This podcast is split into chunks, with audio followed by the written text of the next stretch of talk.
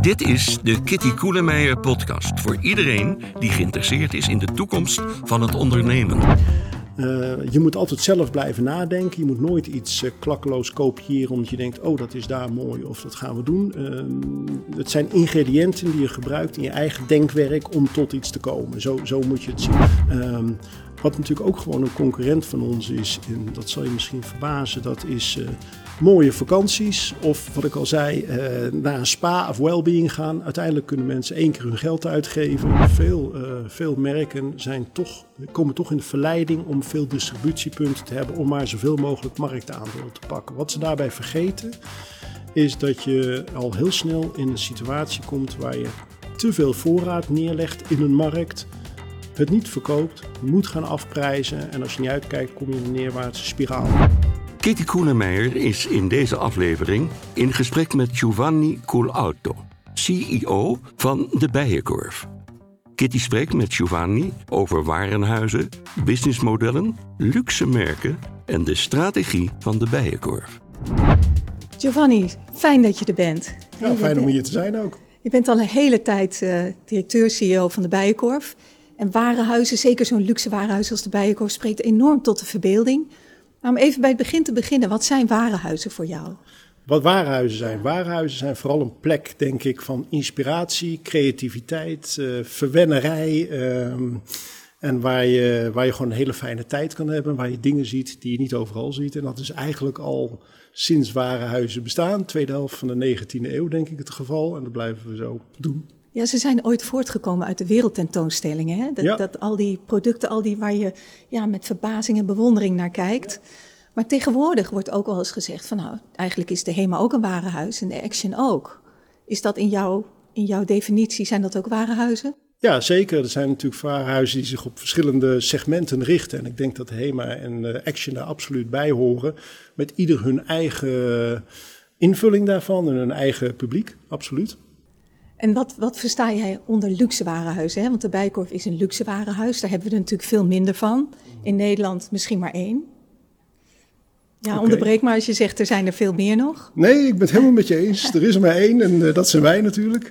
Ehm, een luxe warenhuis. Ja, wat maakt je het nou woord luxe? luxe. ehm, soms verwarren mensen dat wel eens met iets dat moet duur zijn. Maar luxe is vooral denk ik ook een, ehm, een relatief begrip. Verwennerij, iets wat je zelf bijzonder vindt. Wat je niet eh, elke dag meemaakt of elke dag krijgt of elke dag gebruikt. Of dat, dat is luxe. Dat is dus een, een beetje een abstract eh, begrip en vooral een gevoelskwestie, denk ik. En ehm, ik denk om dat gevoel van luxe te ervaren, moet je een ervaring hebben die bijzonder is. Dat, daar gaat het om. En dat samen, dat zorgt er dan voor dat je het gevoel hebt eh, van hé, hey, dat, is, dat, dat is luxe, dat is verwennerij. Ik heb ooit eens een ontwerper van luxe winkels horen zeggen en hotels. Luxe is als je ergens binnenkomt en je voelt je meteen thuis. Je voelt meteen dat je geaccepteerd bent en dat je er, dat je er hoort.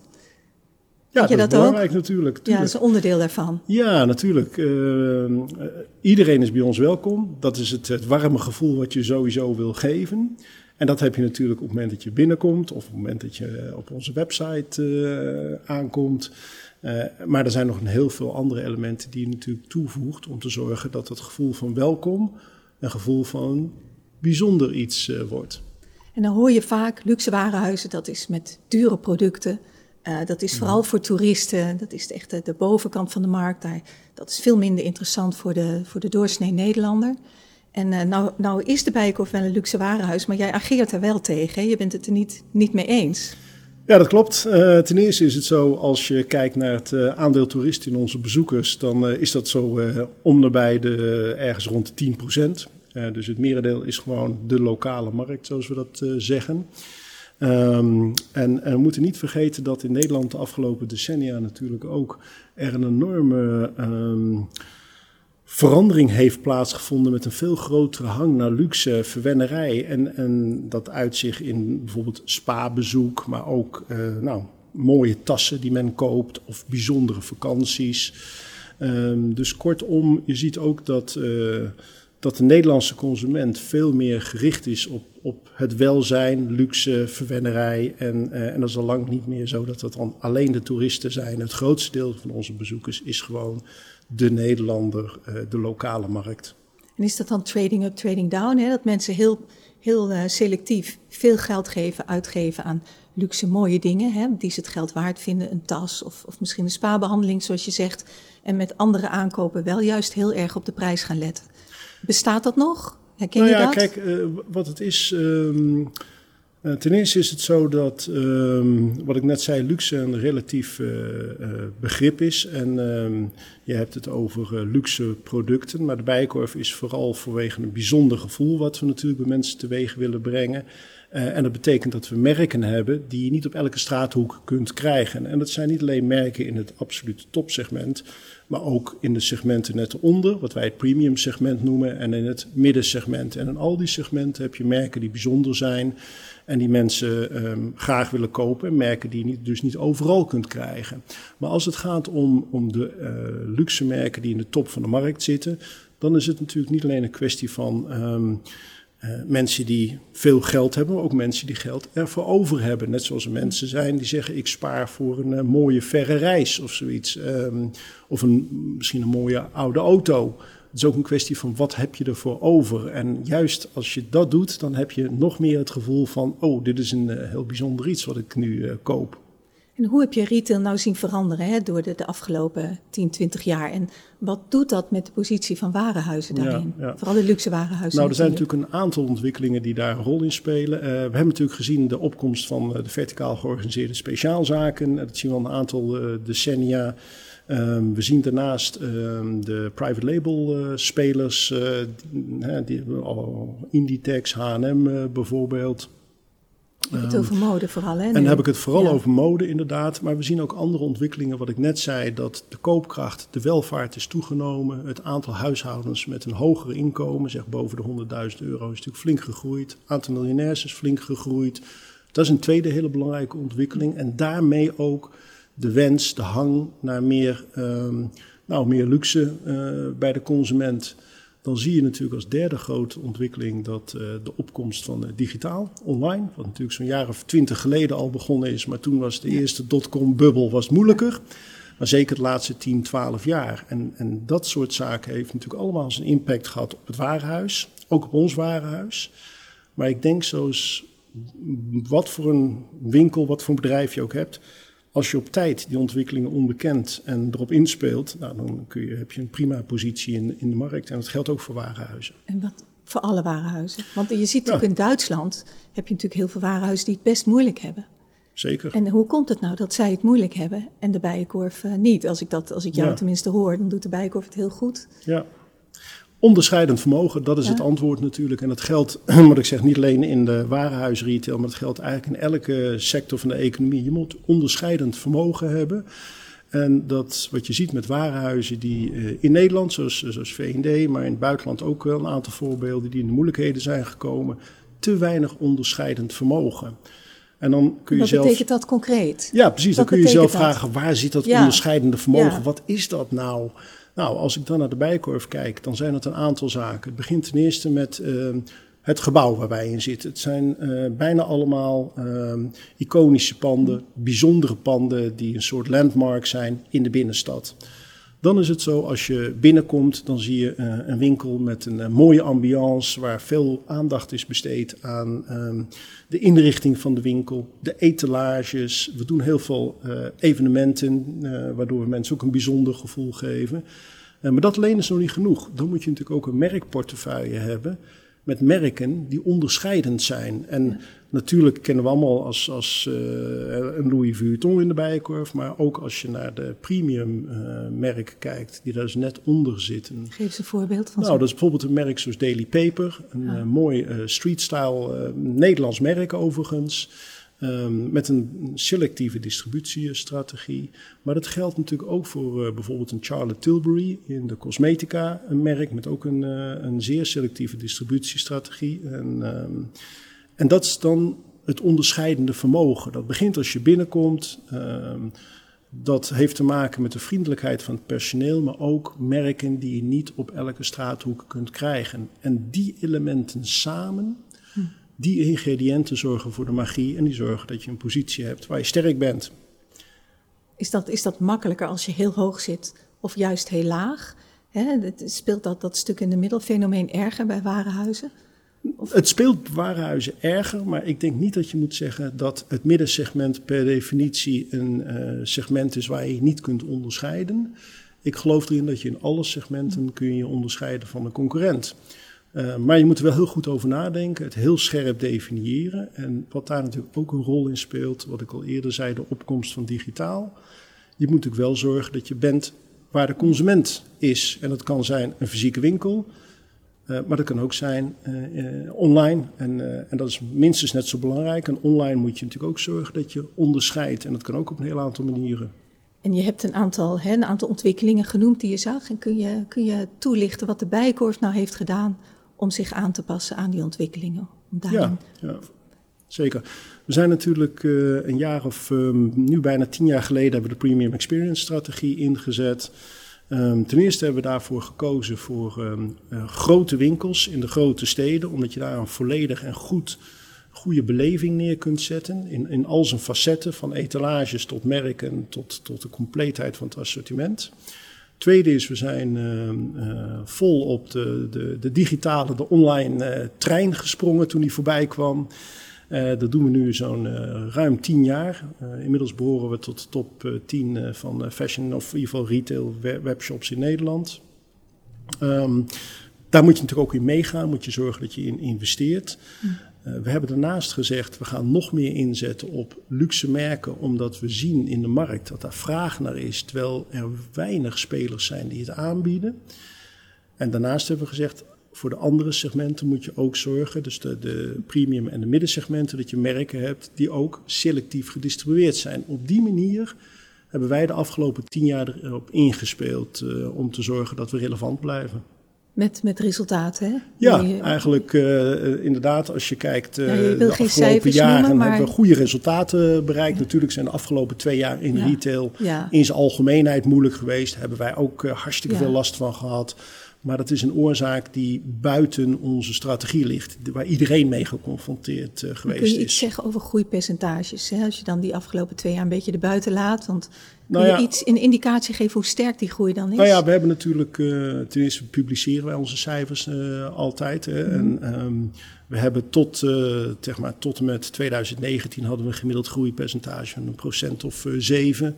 Daar waar de markt uh, met een procent of ik geloof ergens tussen de 2 en de 4 uh, groeit. Dus groeiden we harder dan de markt. Um, en ook met een mooie stijgende uh, IBDA's, operationele winst voor afschrijvingen, zo, zoals het zo mooi heet. En hebben we gewoon goede stijgende um, cijfers gezien, waarbij we de investeringen ook gewoon uit onze eigen cashflow hebben kunnen financieren. Ja, dat is een mooie positie. En ja. Wat, wat bepaalt nou of jullie een merk opnemen? Je hebt natuurlijk al gezegd, het merk moet selectief gedistribueerd zijn. Misschien Vernieuwend. Dat je, dat, je, dat je voor alle echte topmerken blij bent? Of is dat ook niet zo? Nou ja, het, of een merk helemaal in de top zit of in het middensegment, dat, dat uh, is niet de eerste overweging. De eerste overweging is, is het een merk wat aanslaat bij het DNA van onze, onze gast, onze klant?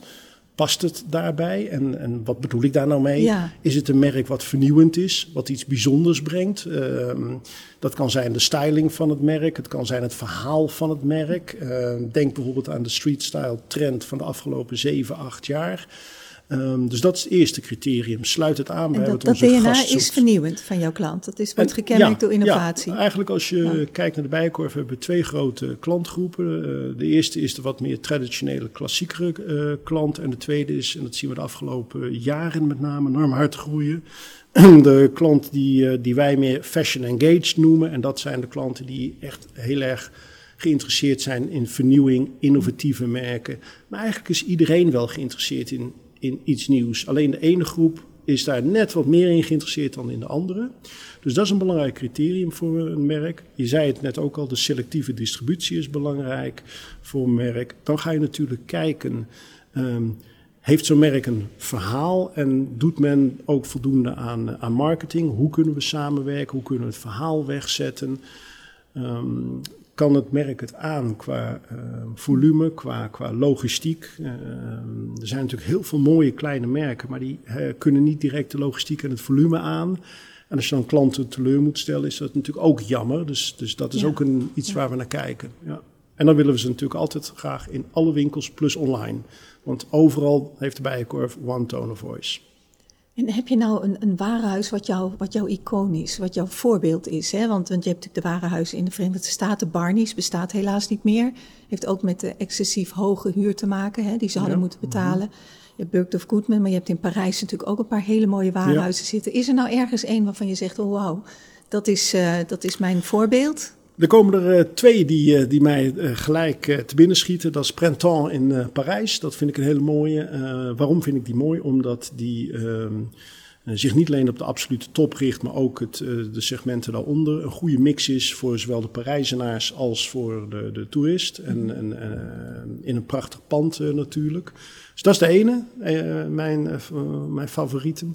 Uh, de andere die ik ook wel heel mooi vind, die behoort overigens tot dezelfde groep. Dat is Citadium. En dat is een warenhuis dat zit in Parijs ook, vlak achter trouwens het gebouw van Printemps. En die richten zich met name op een jonge consument. en de manier waarop ze dat doen, je moet het eigenlijk gewoon eens een keer zien is, heeft een enorme dynamiek. Uh, ik had het net over innovatie, vernieuwing, uh, een, een, klant boeien. Dat doen ze echt heel goed met de concepten, hoe ze het inrichten, de materialen, de meubelen. tot aan het personeel toe, hoe het personeel zich, zich presenteert. Dus dat zijn wel eigenlijk mijn twee favorieten. Ehm, allebei in, in, in Parijs, maar er zijn natuurlijk ook nog. Um, uh, veel meer andere mooie voorbeelden, vind ik. Um, en natuurlijk als je kijkt in... Je hebt Louisa in, in Milaan, dat is een mooie klein boutique warenhuis. En zo zijn er wel meer te vinden. Um, maar ik zeg, Printemps is wel voor mij een, ja. een, heel mooi voorbeeld, absoluut. En daar kijk je, je, je baseert je beslissingen ook een beetje op dat voorbeeld van Printemps? Of? Soms, uh, kijk, wat, wat, ik doe is, uh, ik maak altijd een aantal reizen zo her en der over de wereld. Kijk ik wat warenhuizen, maar ook concept stores doen en, um, en wat wij daarvan kunnen opsteken. Je moet altijd zelf blijven nadenken. Je moet nooit iets klakkeloos kopiëren omdat je denkt, oh dat is daar mooi of dat gaan we doen. Ehm, het zijn ingrediënten die je gebruikt in je eigen denkwerk om tot iets te komen. Zo, zo moet je het zien. Maar het, het biedt wel inspiratie. Het valt me op dat je niet Selfridges noemt, hè? Dat is ook een heel mooi warenhuis ja, natuurlijk. Maar KDW in, uh, in Berlijn is ook fantastisch mooi. Dat is, dat is maar niet je aspiratieniveau, hè? Dat is echt, dat, dat, zijn die andere twee meer. Ja, dat, dat ja. je vroeg me, noem een favoriet. zeker En dat is de favoriet, maar die, uh, die ik net noemde, die jij noemde, Selfridges, maar KDW staan zeker in de top 5, absoluut. Oké, okay, dus en als je het hebt over, over merken, heb je wel eens gedacht aan een, een eigen merk, private label? Dat doe je natuurlijk wel, maar misschien toch in mindere mate dan veel andere warenhuizen dat doen ja, we hebben eigenlijk vrijwel geen private label meer. Uh, alleen in de, in de wonen hebben we dat nog een beetje. Dat hebben we een jaar of tien geleden hebben we dat afgestoten. Zijn we ermee gestopt. Toen hadden we uh, private label, maar ook private brands. De reden dat we daarmee gestopt zijn, is, heeft met ons DNA te maken. Wij zijn goed in, in merken selecteren, merken groot maken, samen groeien met die merken en de juiste merkportefeuille. Maar als je een private brand hebt of een private label spelen, moet je echt het hele verticale spel uh, beheersen. En daar zit onze kracht niet. En dan moet je keuzes maken. Dus, uh, en er zijn genoeg merken die je zo van de plank, laat ik het zo zeggen, uh, kunt brengen, die, die, waardoor je helemaal geen verticale integratie nodig hebt. Het is, het is selecteren wat de consument interessant vindt. Daar zit onze kracht. En noem eens een voorbeeld van een relatief nieuw of klein merk wat je hebt helpen groot maken. Nou, eh, het meest eh, in het oog springende voor mij is uh, Ted Baker, mooi Brits merk. En daar zijn wij, ehm, nou, ik denk een jaar of acht, negen geleden mee begonnen. Als, ehm, ik, ik, geloof de eerste of in ieder geval een van de weinigen in Nederland.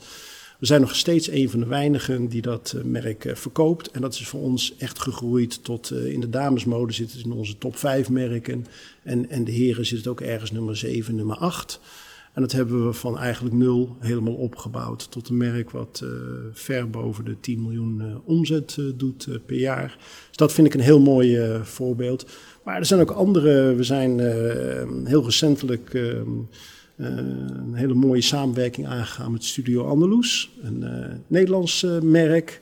en daar zijn we ook hard op weg en dat groeit fantastisch. En het is een merk wat iets wat meer in het middensegment zit. Ehm, Ted Baker zit iets wat meer tegen het premium segment aan. En zo heb je dus verschillende merken die je, die je mooi groot kunt, kunt laten groeien. Maar ook in de cosmetica hebben we dat ook wel. Richt je je echt ook op lokale merken, lokale Kan, sourcing? Of, of ehm, is dat echt een, een, een stuk eh, ja, van je beleid, van je strategie? Is dat echt iets wat je wil of gebeurt het gewoon? Het gebeurt gewoon, laat ik het zo maar zeggen. Kijk, wij kijken overal in de wereld rond, of het nou in Nederland is of daarbuiten. En de gemeenschappelijke noemer voor een merk moet zijn dat het iets Ja. toevoegt, dat het bijzonder is. Zoals gezegd, Ja. ehm, selectief gedistribueerd, vernieuwend merk. Het verhaal waar het merk voor staat moet ook bij ons passen. En ehm, als je zegt bij ons passen, wat is dat dan? Kijk, het DNA van de Bijenkorf het gaat altijd over kunst, cultuur, ehm, een, een ruime blik op de wereld, interesse buiten de grenzen, eh, elegantie, eh, verrassing. eh, en als die ingrediënten in een merk zitten, dan is het een merk wat bij ons past. En dat kan zijn bij een heel klassiek merk, maar het kan ook zijn bij een street-style merk. Als je nou kijkt naar je concurrentieveld, hè, het ligt voor de hand te zeggen, nou, de luxe merken hè, die direct-to-consumer gaan, de Gucci's, Vuittons van deze wereld, Prada's, dat zijn jullie, dat zijn jullie concurrenten. Zie je dat zo? Nou ja, dat is zeker zo natuurlijk. Eh, kijk, aan de ene kant versterkt het zich. Eh, een, ehm, een, een, een Gucci-winkel die in de PC Hoofdstraat zit en een Gucci-winkel bij ons in de winkel. eh, je kunt zeggen, het, het, een consument zal de ene keer naar ons gaan, de andere keer naar de PC. Dat zal zeker gebeuren. Maar omgekeerd versterkt het zich ook weer, omdat mensen die eh, in de PC Hoofdstraat komen, dat zien, bij ons winkelen, bij een andere gelegenheid zien dat. Dus het versterkt elkaar ook. En daar is ook, daar is ook meer dan genoeg markt voor. We hebben dat gezien toen we met Louis Vuitton van Amsterdam, waar we begonnen zijn, ook in Rotterdam eh, geopend zijn. eh, als tweede verkooppunt. En dan zie je dat er meer dan genoeg markt is en dat dat eh, gewoon vrolijk verder groeit. Terwijl ze ook natuurlijk zelf een winkel in de PC Hoofdstraat hebben. Dus enerzijds is het een concurrent, anderzijds versterkt het zich. De kunst is elke keer om te zorgen dat je de markt dat je, dat je niet de markt overspoelt. Dat je de markt goed inschat. Hoeveel potentieel is er? En daar, en, en daar zorgt in overleg met zo'n merk dat je Ja. de verkooppunten op afstemt. Ja, niet elk merk doet dat even goed, denk ik. Nou ja, daar hebben we natuurlijk in het verleden, eh, denk ik in de retail en in, in Ja. het merkenlandschap heel Ja. veel voorbeelden van gezien. En, en ehm, vaak ingegeven door een wens om heel hard te groeien. Eh, op zich goed en niks mis mee, maar je moet natuurlijk uitkijken dat groei niet ten koste gaat van, van kwaliteit. In de zin van dat je eh, alleen maar aan het afprijzen bent omdat je eigenlijk te veel verkooppunten hebt of zo. Dat, dat is onverstandig. Waar zit je concurrentie nog meer? Nou ja, kijk, concurrentie is er een vele. Hè? Dus, Ja. dus de, de, de winkels van de merken zelf, maar ook eh, de pure players, die natuurlijk ook wel een aantal merken hebben die wij hebben. Ehm, wat natuurlijk ook gewoon een concurrent van ons is, en dat zal je misschien verbazen, dat is eh, mooie vakanties. Of wat ik al zei, eh, naar een spa of wellbeing gaan. Uiteindelijk kunnen mensen één keer hun geld uitgeven. Ja. Eh, onze propositie is fun shopping en wat wij altijd noemen social shopping. Zien en gezien worden. Ehm, maar om plezier te kunnen hebben kun je natuurlijk ook aan andere dingen je geld uitgeven. Een mooi reisje of, of, of een bijzonder weekend weg. En dat is ook een, op een bepaalde manier natuurlijk een concurrent. En hoe kijk je zelf naar merken? Ben je hecht je aan merken? Heb je favoriete merken? Ja, ik heb zeker favoriete merken. Ehm, alle merken zijn me lief natuurlijk die we hebben, maar ik heb zeker favoriete merken. Ik ga nu geen namen noemen Oh nee, natuurlijk, want dan heb je weer mensen die gewond zijn. Maar Oh. waar het mij om gaat, ik hou vooral van merken die, eh, die lef tonen, eh, die vernieuwend zijn, die hun nek durven uit te steken. Eh, er zijn merken die hebben het, ehm, eh, hebben het moeilijk gehad en zijn fantastisch teruggekomen. Ga ik toch een merk noemen. Kijk bijvoorbeeld naar Gucci, hè, die de afgelopen jaren natuurlijk een fantastische ontwikkeling doorgemaakt heeft. Mede doordat ze hun assortiment, Ja. design behoorlijk hebben aangepast. Daar is lef voor nodig. Hebben ze heel goed eh, gedaan. Maar ze zijn natuurlijk ook wel, als ik een merk pak als Charlotte Tilbury in de, in de cosmetica, het, het Engelse merk, die hebben weer een hele andere propositie neergezet dan de geëikte cosmetica merken. Dat noem ik lef, dat noem ik eh, onderscheidend vermogen en, en daar heb ik bewondering voor. En daardoor zijn het, zijn het mijn favorieten. En ben je zelf merktrouw? Heb je, Ja, toch wel. Ja, dus je hebt Ja, eh, toch wel. Ja. Ik heb wel mijn favoriete die kleding, ik, eh, dat je die toch ik, elke eh, keer weer dezelfde, naar nou ja, merk toe eh, neigt. het, het, het is. ja, ik, ja, het is elke keer hetzelfde, is misschien te veel gezegd. Maar ik, ik wissel niet zo vaak. Als ik, als ik één keer denk, hé, hey, dat bevalt me goed. Dan ik, ik kijk wel rond en ik hou mijn ogen open. Maar op het moment dat ik denk dat is een merk, de pasvorm, de stijl, de vernieuwing bevalt me, dan eh, ben ik redelijk merkentrouw. Dat En, klopt. en je koopt vooral in je eigen winkels? Is dat een vrijwel, a- vrijwel alleen maar. Oh. Niet uitsluitend, maar wel bijna alles. Ja. Ja, ja oké. Nou, dat wilde ik even weten. Maar ook even over die merken nog een vraag over de prijspunten. Hmm. Want we hebben natuurlijk bij Hudson's Bay gezien hoe dat fout ging. Natuurlijk op meer vlakken dan alleen dat. Natuurlijk een oud verhaal. Ja. Maar jullie moeten, jij moet natuurlijk ook beslissen van vanaf welk prijspunt st- stap ik in. Hè? Hoe affordable, hoe, hoe eh, ja, betaalbaar kan het zijn. En naar boven toe heb je grenzen. Nee, er zijn eigenlijk geen eh, Het kan, grenzen. het kan eindeloos Ehm, omhoog. Affordable, betaalbaar is een heel rekbaar en Ja. relatief begrip. Daarom Net zoals luxe. Ja. Ehm, het kan best zo zijn dat iemand met een gemiddeld inkomen zegt: Ik koop toch een Louis Vuitton tas. Want ik vind dat zo mooi, dat ambacht waar het voor staat. En ik spaar daar gewoon voor. Ja, maar dat zijn hogere prijspunten. Wat hè? Je hebt ook goedkopere tassen. Zeker, zeker. Minder, hè, Zeker. meer betaalbaar, als Ja. ik dat zo mag zeggen. Maar, Dus, eh, maar dus, waar, waar begint het bij jullie? Ik bedoel, wat, wat, hoe, dat hoe is- bepaal je nou wat die onderkant is? Ja, dat, dat is eigenlijk de indeling wat ik zeg. eh, middenmarkt, premium en, en wat hoger gepositioneerd. Daar zijn wel prijspunten voor, maar daar kijken we niet zozeer naar. heb je een want benchmark?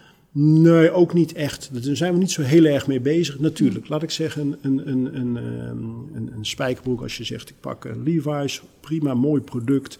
En die is misschien 100, 120 eh, euro. Dan heb je natuurlijk een 7 for All Mankind, wat weer hoger zit, 180, 220, 240. Dan kun je een J-brand eh, hebben, wat, ja, wat dan voor honderden euro's eh, verkocht wordt.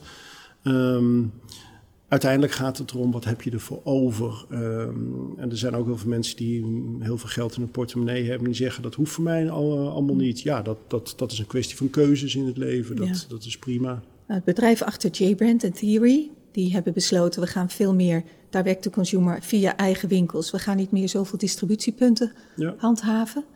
Eh, hoe vaak gebeurt dat? Is dat een fenomeen waar je echt mee te maken hebt? Ik zou zeggen, het gebeurt te weinig. Want Oh. eh, veel, eh, veel merken zijn toch, komen toch in de verleiding om veel distributiepunten te hebben. om maar zoveel mogelijk marktaandeel te pakken. Wat ze daarbij vergeten, is dat je al heel snel in een situatie komt waar je te veel voorraad neerlegt in een markt. Het niet verkoopt, moet gaan afprijzen. En als je niet uitkijkt, kom je in een neerwaartse spiraal. Je refereerde aan Amerikaanse Ja. warenhuizen. Ja. Dat, dat effect heeft daar zich voor gedaan. Ehm, en ook bij een heel aantal merken heeft zich dat voorgedaan. Dus daar moet je voorzichtig mee zijn. En ehm, kijk, wat ik, wat ik een Het is ook een. Amerikaans merk natuurlijk. Hè, Ja, ja, maar je ziet het ook wel bij andere eh, merken die, die uit, uit, uit andere landen komen. Wat ik een verstandige strategie vind als merk is dat je zegt: ik ga een markt in, ik kies een eh, partner, een kwaliteitspartner, die, die, en dat betekent met goede vestigingspunten, die, ehm, die vooral niet gericht is op eh, kortingen en dat soort zaken, maar op beleving gericht is. Daarnaast ga ik misschien als ik verder groei zelf een winkel openen. Ehm, en misschien wil ik één goede eh, pure player kiezen en daarmee beheers ik de markt eh, voor mijn product. Daarmee controleer ik die markt en, en, ehm, en je moet uitkijken dat je niet overal ligt, want dan raak je de controle over prijs, over promoties kwijt. En dat, dat is een, eh, echt wel een groot risico. Ja, multibrand stores vooral, hè? Ja, ja. Die, ja, dat is precies. Ja. En dat is dan Ja. vaak in wholesale eh, gekocht. Ja. En als je dat in wholesale koopt, dan ga je ook natuurlijk afprijzen aan het eh, einde van het seizoen. Dan is er misschien te veel voorraad. Ja. En dan zit je met een probleem. ja. En, en ehm, ik denk het beste voor een merk is om te zeggen: ik kies een partner die niet zoveel afprijst, die daar, die daar bewust naar een full price strategie gaat. Liefst die ook nog online sterk is. Dat is voor ons ook een reden geweest om zo in online te investeren. Want dan heb je zowel het fysieke Ja. als het online kanaal bij één partij. En nogmaals, misschien wil je zelf een winkel openen en, ehm, als merk, dat kan. En dan moet je goed kijken waar doe je dat. En, en dat je niet te dicht bij Ja. elkaar zit, niet te ver weg. En dat je een goede landelijke dekking hebt. En die businessmodel van de luxe merken is natuurlijk een ander model dan dat van de, de bijenkorf. Hè? Want die luxe merken hebben productie toch in eigen hand. Hè? Die hebben een verticaal geïntegreerde Ja. keten. Die, die, ja, dat, dat margespel, dat is totaal anders voor hen. Terwijl jullie als, als, eh, ja, als retailer, linksom of rechtsom, welk model je ook gebruikt, je moet het inkopen. Je moet heel veel kosten maken om zo'n prachtige omgeving te realiseren, om een hoog serviceniveau te bieden, hè, om mensen binnen te krijgen. En dan moet je ook nog geld verdienen op heel veel vierkante meters met een heel groot assortiment. Wat, hoe doe je dat? Nou, je kijkt natuurlijk, ehm, wat ik zei, eerst hoe past het merk bij ons? Ja, Hoe uniek is het merk? En dan ga je natuurlijk ook kijken, gewoon, wat is de cash margin per vierkante meter die ik mag verwachten van zo'n merk? Ehm, natuurlijk geldt voor alle merken, vrijwel alle merken, heel veel dat ze natuurlijk verticaal geïntegreerd zijn en ergens de Ja. productie en de sourcing eh, moeten doen en de styling en noem maar op. Dat is niet uniek. Maar je gaat dan kijken, wat zijn de kansen voor zo'n merk? En dat betekent dat je in de markt gaat kijken, hoeveel kan ik daarvan verkopen? Eh, wat eh, gaat dat tegen full price of, of, of is er misschien te veel van zo'n merk al in de markt? Dan ga je kijken, wat is de cash margin per vierkante meter? En zo ga je eigenlijk de layout van het warenhuis optimaliseren. Waarbij je natuurlijk wel zegt, ik wil ehm, een bepaalde klant aantrekken. Het klant-DNA waar we het over hadden. Ik heb natuurlijk een indeling qua wat zit waar. Dus cosmetica op de parterre, luxe tassen eh, op de parterre, accessoires op de parterre. Zo deel je het warenhuis in en je beoordeelt het op de cash margin per, eh, per vierkante meter. En dat moet je goed in de gaten houden. Je moet vooral zorgen dat je op tijd in de levenscyclus van het product eh, schakelt om het binnen te krijgen, te laten groeien. Maar ook op tijd schakelt als je denkt, nu is het tijd om afscheid te nemen. Daar hebben we natuurlijk de afgelopen tien jaar ook al wat voorbeelden van gezien. Hoe is die omloopsnelheid? Ik bedoel, hoeveel procent van de merken eh, ja, laat je gaan Ja. elk jaar? Gemiddeld genomen moet je het eigenlijk zo zien dat we zo'n 10% van de omzet, 10, 15% van de modeomzet per jaar vernieuwen met eh, of nieuwe merken of vernieuwingen binnen de, de merken. Ehm, en dat betekent dat een goed merk toch wel gauw een, een, een levensduur heeft van zeg een jaar of 7 tot 10. Er zijn merken die veel langer bij ons zijn en er zijn Ja. merken die zijn veel korter bij ons. Het is maar een gemiddelde wat ik, eh, wat ik noem. Dus het is die, die cashmarge per Ja. vierkante meter op basis Ja. waarvan je besluit of een merk mag blijven. Ja, en, en hoe interessant ruimte het is het? krijgt ook. Ja, ook hoeveel ruimte het krijgt. Kijk, een van de grote misverstanden is bijvoorbeeld eh, ten aanzien van de luxe merken. Dat heel veel mensen denken dat is een winkeltje binnen de bijenkorf, een winkeltje binnen de winkel, shop in shop. Eh, in, in bewoordingen klopt dat, maar als je kijkt naar het ondernemersrisico, wij bepalen samen met het merk de locatie. Eh, het assortiment kijken we samen naar. ehm, de, de, de marketing kijken we samen naar. eh, zelfs het aannemen van het personeel, ondanks dat het personeel bij hun op de loonlijst staat, hebben we altijd een eh, vetorecht als we denken, nou, dat, dat vinden we geen goede, geen goede aanname, laat ik het zo maar zeggen. Ehm, dus kortom, er zijn heel veel dingen. Ook de inrichting, de uitstraling van eh, de shop, die wordt altijd bij ons neergelegd ter goedkeuring. Dat wij ook, en wij hebben ook richtlijnen, bijvoorbeeld, en wat betekent zo'n richtlijn? Nou, bijvoorbeeld ehm, een meubel een, waarop producten worden gepresenteerd, mag niet hoger zijn dan, afhankelijk waar het staat, 1,20 meter, 1,60 meter. Zichtlijnen eh, door de winkel heen moeten goed Dat blijven. bepalen Dus jullie. dat, daar, dat bepalen wij. En Ja. natuurlijk doe je dat in onderling overleg. Eh, maar het is niet zo dat we alleen maar een ruimte verhuren. Dat is echt Nee, een nee. misverstand. Wij zijn gewoon ondernemer, alleen wij hebben een ander aspect van, eh, van die samenwerking. je, je wat, hoort wel eens van, van bepaalde echt hele grote wereldmerken. Dat zij een, ja, met, met hun, hun, hun doorverkopers, hun, Mhm. hun retailers zeggen van nou, we willen die ruimte in de winkel, we willen die etalages. Dat is de collectie die je moet voeren. Daar Zeker. kom jij. En hoe ga je daarmee om? Want Als kun het je- past- soms kun je niet anders dan gehoorzamen. Als je Nou, dat merk eh, wil. Nou, daar ben ik niet heel goed in, in gehoorzamen. Eh, wel in luisteren, hoop ik. Eh, nee, dan, dan ga je kijken of het past. Als het past bij ons, prima. Als die wensen van hun, want zo zie ik dat wensen Ja. passen, prima. Passen die wensen niet, ja, dan moet je je rug recht houden. Dan moet je zeggen, nou, het wordt niks, jammer. Ehm, zo, zo werkt dat. En dan moet je kijken of je elkaar kunt vinden. En als je elkaar kunt vinden, prima. Als je elkaar niet kunt vinden, nou, misschien nu niet, misschien in de toekomst wel. Maar dan moet je wel je, moet wel je rug recht houden. Ja, dat moet je wel kunnen. Ja. Ja. En dat, die, die ruimte krijg je ook hè, van je aandeelhouder. Ja, en uiteindelijk gaat het erom dat natuurlijk die strategie die je samen met een aandeelhouder bepaalt, goed uitvoert. De manier waarop je strategie uitvoert, dus welke merken, wanneer breng je een nieuw merk, wanneer laat je het merk gaan. Maar ook bijvoorbeeld de trainingen die je aan je mensen geeft, de marketingcampagnes die je doet rondom de kerst. Ja, er zijn natuurlijk heel veel vrijheidsgraden Ja. hoe je een strategie invult. En dat, dat bepalen we natuurlijk allemaal, allemaal zelf. En nou heb je als warenhuis ook een aantal verplichte categorieën. Hè? Je kunt niet zeggen, ik doe alleen maar schoenen en kleding. En je, je kan afscheid nemen van merken, maar je kunt op dezelfde manier ook naar de categorieën kijken. Is dat net zo flexibel? Hè? Krimp je dat, rek je dat uit en neem je ook wel eens afscheid van een categorie? Absoluut. Denk maar in het verleden bijvoorbeeld aan eh, CD's. Ja. We hadden natuurlijk in de Bijenkorf ooit een grote eh, platen, later Ja. een CD-afdeling. En eh, we zagen natuurlijk de ontwikkelingen in die sector. En dat hebben we in eerste instantie afgebouwd. En op een gegeven moment zijn we ermee gestopt. Maar denk ook bijvoorbeeld aan eh, verlichting, waar we gezegd hebben: ja, daar, dat is niet een categorie waar wij willen zijn. Of eh, grote meubelen. Meubels. Ook iets waar we denken, nou, dat is niet waar onze kracht in zit. We hebben wel kleinmeubelen.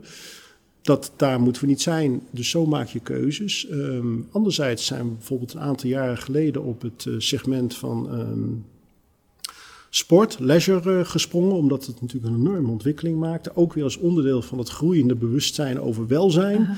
Van, van yoga tot hardlopen. en dan breng je merken in als, als een, een Nike of een EA7. Um, wel altijd met een modische twist, dus een ander assortiment dan, dan in de gemiddelde sportwinkel ligt, laat ik het zo zeggen. Zo groei je weer een uh, segment en soms nou, laat je een segment uh, gaan en, en, of je introduceert weer een nieuw segment. Ik noemde eerder uh, street style, hè, de streetwear, ja. wat een enorme opgang heeft gemaakt. Ook toevallig heel veel, heel veel mooie, goede Nederlandse merken die daar een rol in spelen. Dan moet je ook zorgen dat je zegt, hé, hey, dat, dat laat ik groeien. Cosmetica, we hebben de afgelopen 7, 8 jaar de cosmetica-afdelingen aanzienlijk vergroot en vernieuwd. Waarbij de gemiddelde afdeling al gauw een 1000 vierkante meter is. Waarom? Omdat we die trend van welzijn zagen en, en hoe mensen eruit zien en, en wat ze allemaal doen in hun vrije tijd. Nou, dan, dan, dan laat je zo'n categorie weer groeien. En neem je die beslissing autonoom in Amsterdam?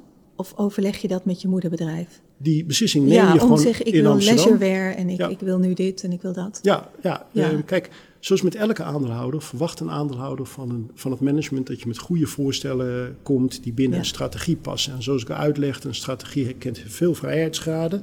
Pak de schoenenafdelingen. Je hebt een traditionele schoen, je hebt een sneaker, je hebt eh, flipflops, van alles. Ehm, het komt op ons neer hier in Amsterdam om te zeggen, nou, wat gaan we doen? Wij gaan sneakers enorm uitbouwen. Dan heb je binnen sneakers nog eh, heel veel eh, mogelijkheden. Eh, de luxe sneakers Ja. die het natuurlijk erg goed doen, merken als Balenciaga. Dat ligt eigenlijk allemaal bij ons om dat, nou, om dat te doen. En zoals altijd, zoals elk bedrijf, leg je dat uit aan je aandeelhouder.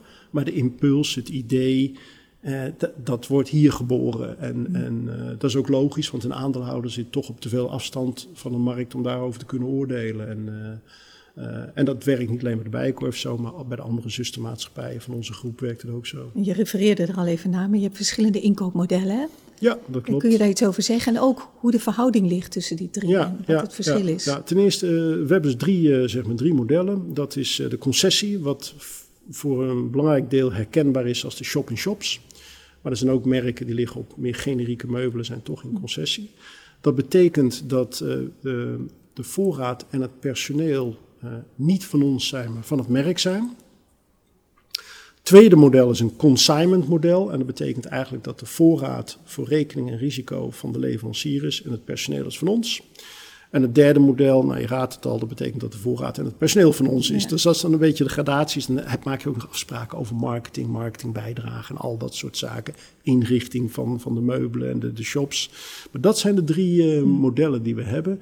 En het eh, interessante toeval is dat dat ongeveer allemaal eh, circa een derde is. Dat is geen bewuste keuze.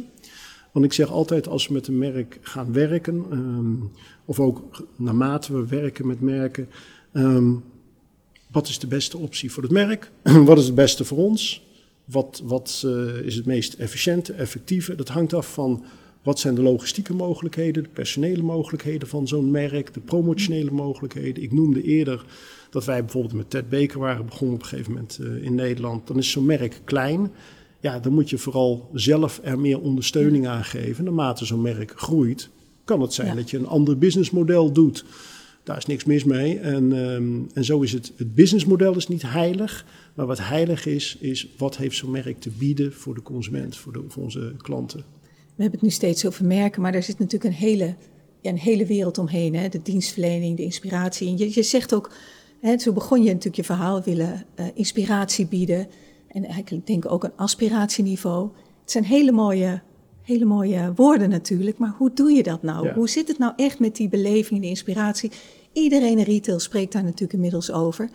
Van, van, van hoog tot laag in de markt. Maar wat is het nou concreet? Ja. Hoe, hoe maak je dat nou werkend? Het is een beetje een dooddoener geworden, hè, het Nou, woord een beleving. containerbegrip eigenlijk. Ja, Ja, ja.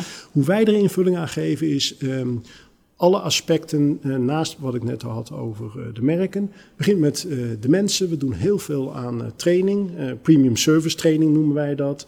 Dat betekent kennis over het product, maar ook hoe benader je een klant, de, de warmte, de vriendelijkheid.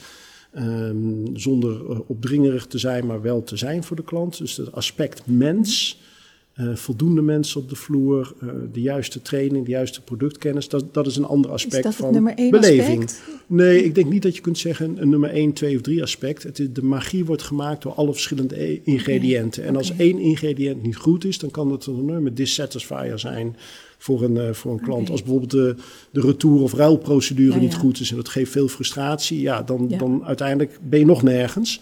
Een tweede aspect is de inrichting van de winkel.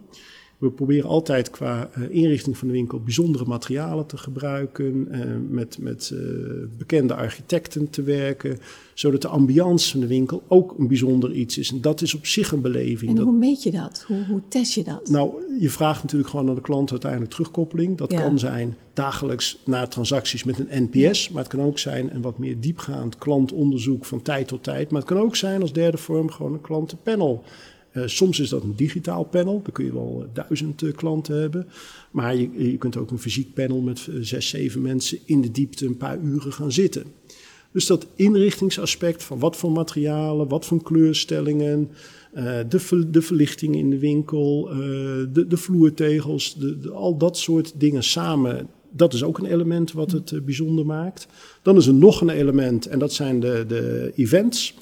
Uh, wat doen we eromheen? Nou, dat kan zijn een, um, een masterclass met een bekende make-up artist.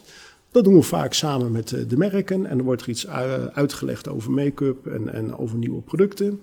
Maar het kan ook zijn wat we in het verleden wel eens gehad hadden met, uh, met Hermes, Mercier de, de Hermes. Dat was in de Hollandse Manege in Amsterdam.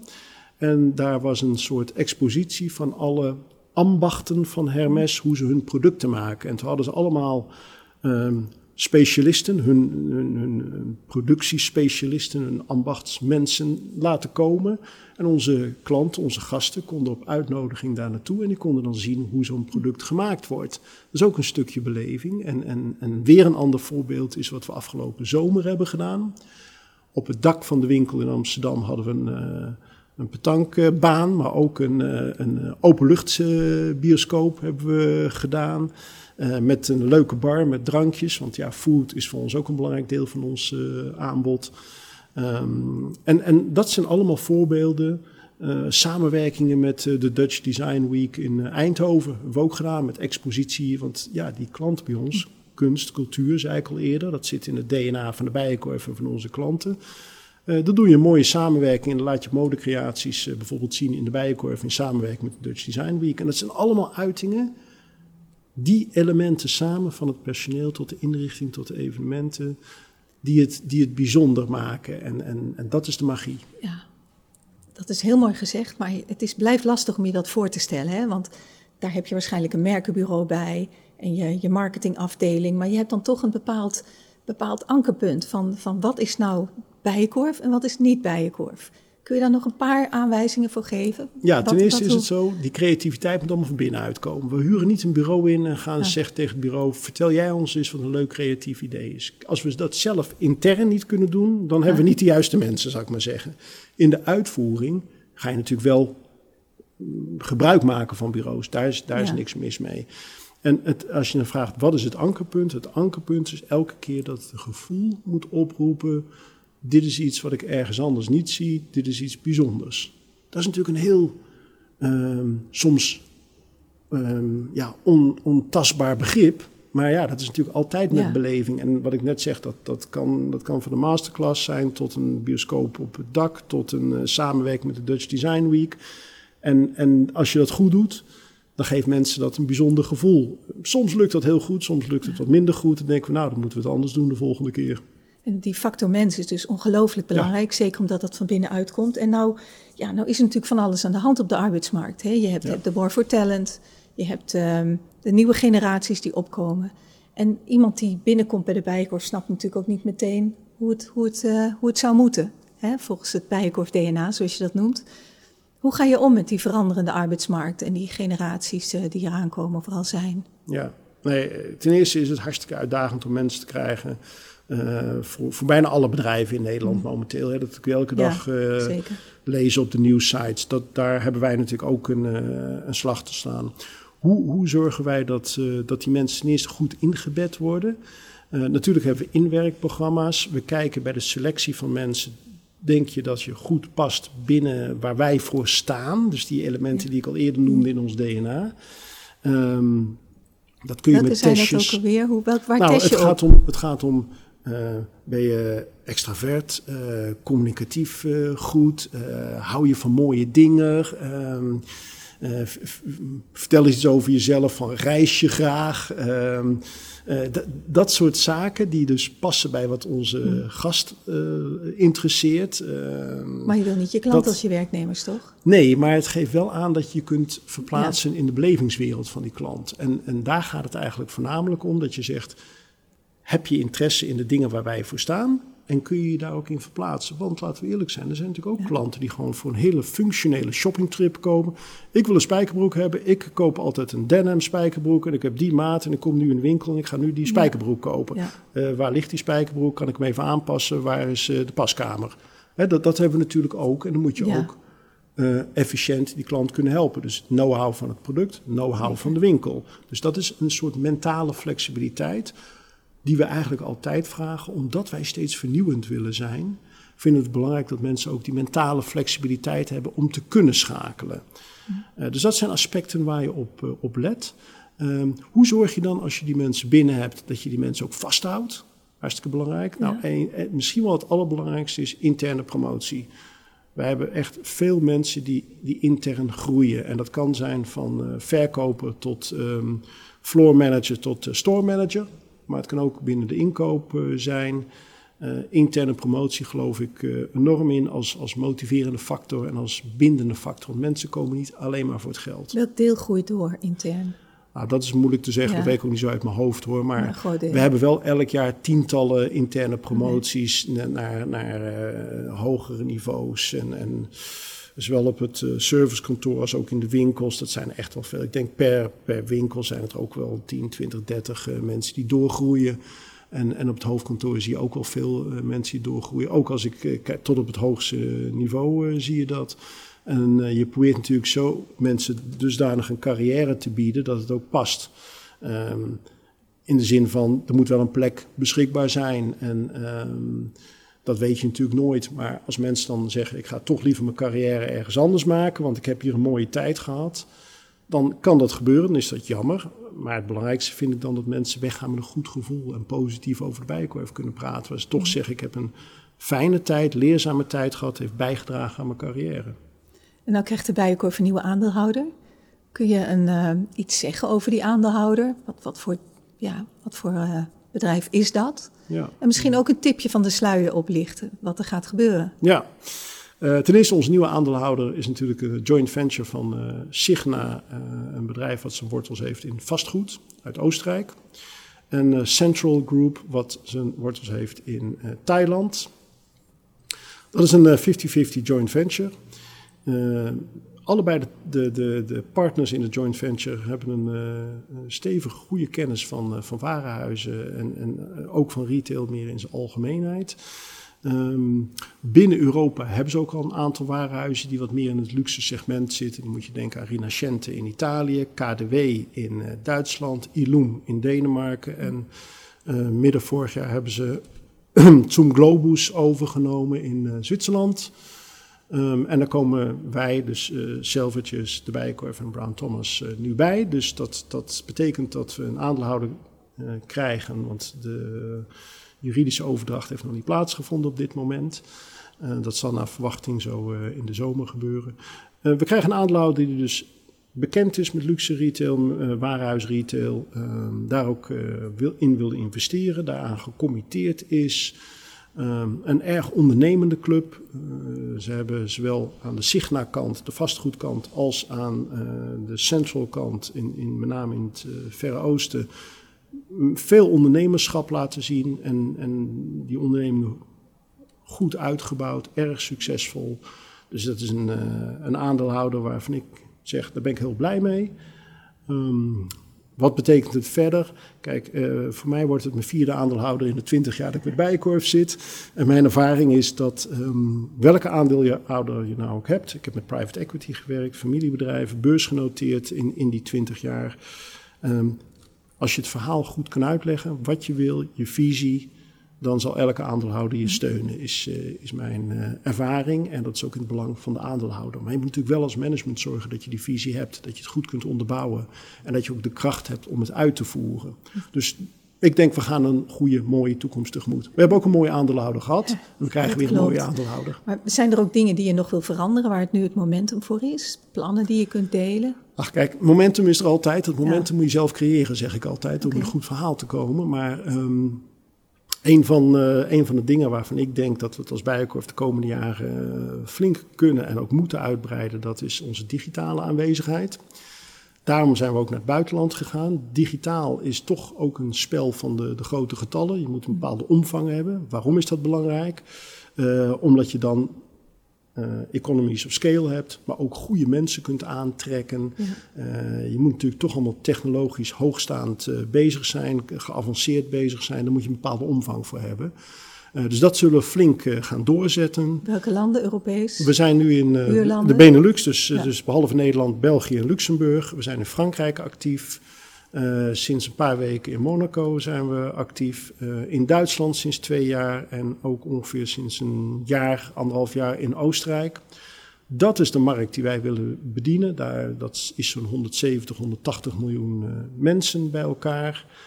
Um, en wij willen gewoon de beste zijn in die markt. Die markt kunnen we ook goed bedienen qua in die logistiek. Markt wil je groeien. Ja, in die markt. dat is groot genoeg voor ons. Wij gaan niet exporteren, onze spullen verkopen naar Noorwegen of naar Griekenland Spanje, of ja. naar, uh, naar Nigeria of naar uh, Panama. Dat is helemaal niet nodig. Of Amerika. Iedereen zegt Amerika is een mooie grote markt. Mm. Tuurlijk. Maar daar zijn andere spelers al die het heel goed doen.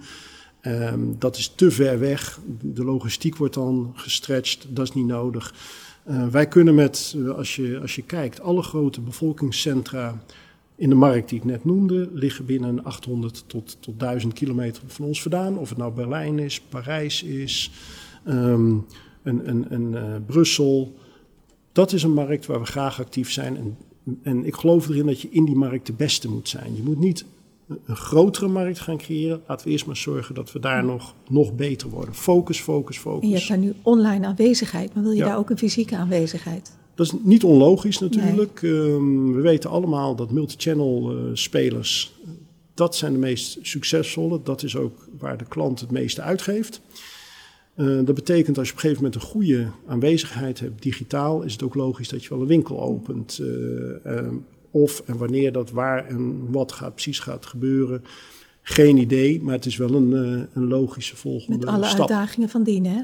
Ja, natuurlijk. Maar ja. Het, uh, kijk, we zijn bewust de grens overgegaan met eerst online. Waarom? Omdat je dat snel, flexibel kunt doen zonder idioot grote investeringen. Je kunt kijken, slaat het aan. Je bouwt je naamsbekendheid op. In België en Vlaanderen ligt je al boven de 60 procent. Dan heb je inderdaad een bepaalde omzetmassa. Ja. Uh, en dan ga je zeggen, nou, nu is het wel een mooi moment om een winkel te openen. Maar je zegt zelf al, dat ben ik helemaal ja. met je eens... Als je een winkel opent, leg je je vaak voor langere tijd vast. Qua huurcontract, qua personeel. Uh, qua reputatie ja. ook. Wij zijn niet ja. een bedrijf die zegt: ik ga een winkel openen. Over drie jaar ben ik weer voetzie. Zo werkt het niet. Dus je moet, je moet eerst wel heel goed weten dat die markt voor jou is. En ja. digitaal is een prachtige manier om dat, om dat uit te vinden. Waar ben je nou het meest trots op van, van de afgelopen twintig jaar? Wat is nou je iets waarvan je zegt: dat heb ik goed gedaan? Of nou, mag dat, ook achteraf gezien? We als, als Bijenkorf denk ik met name dat we ons hebben weten, een aparte positie hebben weten te creëren die gewaardeerd wordt door de klant, die gewaardeerd wordt door medewerkers, jonge mensen aan ons hebben kunnen binden. Kijk maar naar hoe hard we gegroeid zijn met digitaal, ja. hoe groot we daarin zijn. Um, goede cijfers hebben kunnen laten zien, maar vooral ook bijzondere dingen hebben kunnen doen. Dingen toevoegen die voor Nederland ook wel um, anders zijn, nieuw zijn en dat steeds doen. Dat, en dat is soms een heel, heel ongrijpbaar begrip, dat is waar. Maar juist die ongrijpbare dingen, dat zijn dingen die mensen boeien en, en die mensen aan je binden. Zie je jezelf vooral als manager of als ondernemer? Nou ja, uh, ik zie mezelf het liefst als ondernemer. Daar moeten anderen maar over oordelen. Ja. Uiteindelijk sta ik gewoon op de loonlijst en ben ik gewoon medewerker. Zo simpel is het. maar uh, ik, het liefste zie ik dat iedereen in de bijenkorf uh, ondernemer is uh, op zijn of haar vlak. En, en, want dan heb je de meeste speelruimte, de meeste passie. En, en ja, dan, dan, dan vind je het ook het leukst en dan gaat het het best. En nog tot slot, heb je nog tips, advies voor jonge managers en ondernemers? Ja, ga elke dag gewoon naar het werk met het idee, ik ga gewoon mijn best doen. En dan kijk ik wel waar het, uh, waar het heen gaat. Uh, ga niet geforceerd proberen een bepaalde rol aan te meten. Wees gewoon jezelf. Iedereen heeft unieke capaciteiten en kwaliteiten. Soms moet je ontdekken op welk vlak ligt dat. Uh, maar zorg gewoon dat je dicht bij jezelf blijft. Want nogmaals, dan doe je het op een natuurlijke manier met de meeste passie. En dan heb je ook de grootste kans dat je iets doet wat je hele leven lang leuk vindt en waar je ook goed in bent. Giovanni, dankjewel. Fijn dat je hier was. Graag gedaan. Dit was de Kitty Koelemeijer podcast.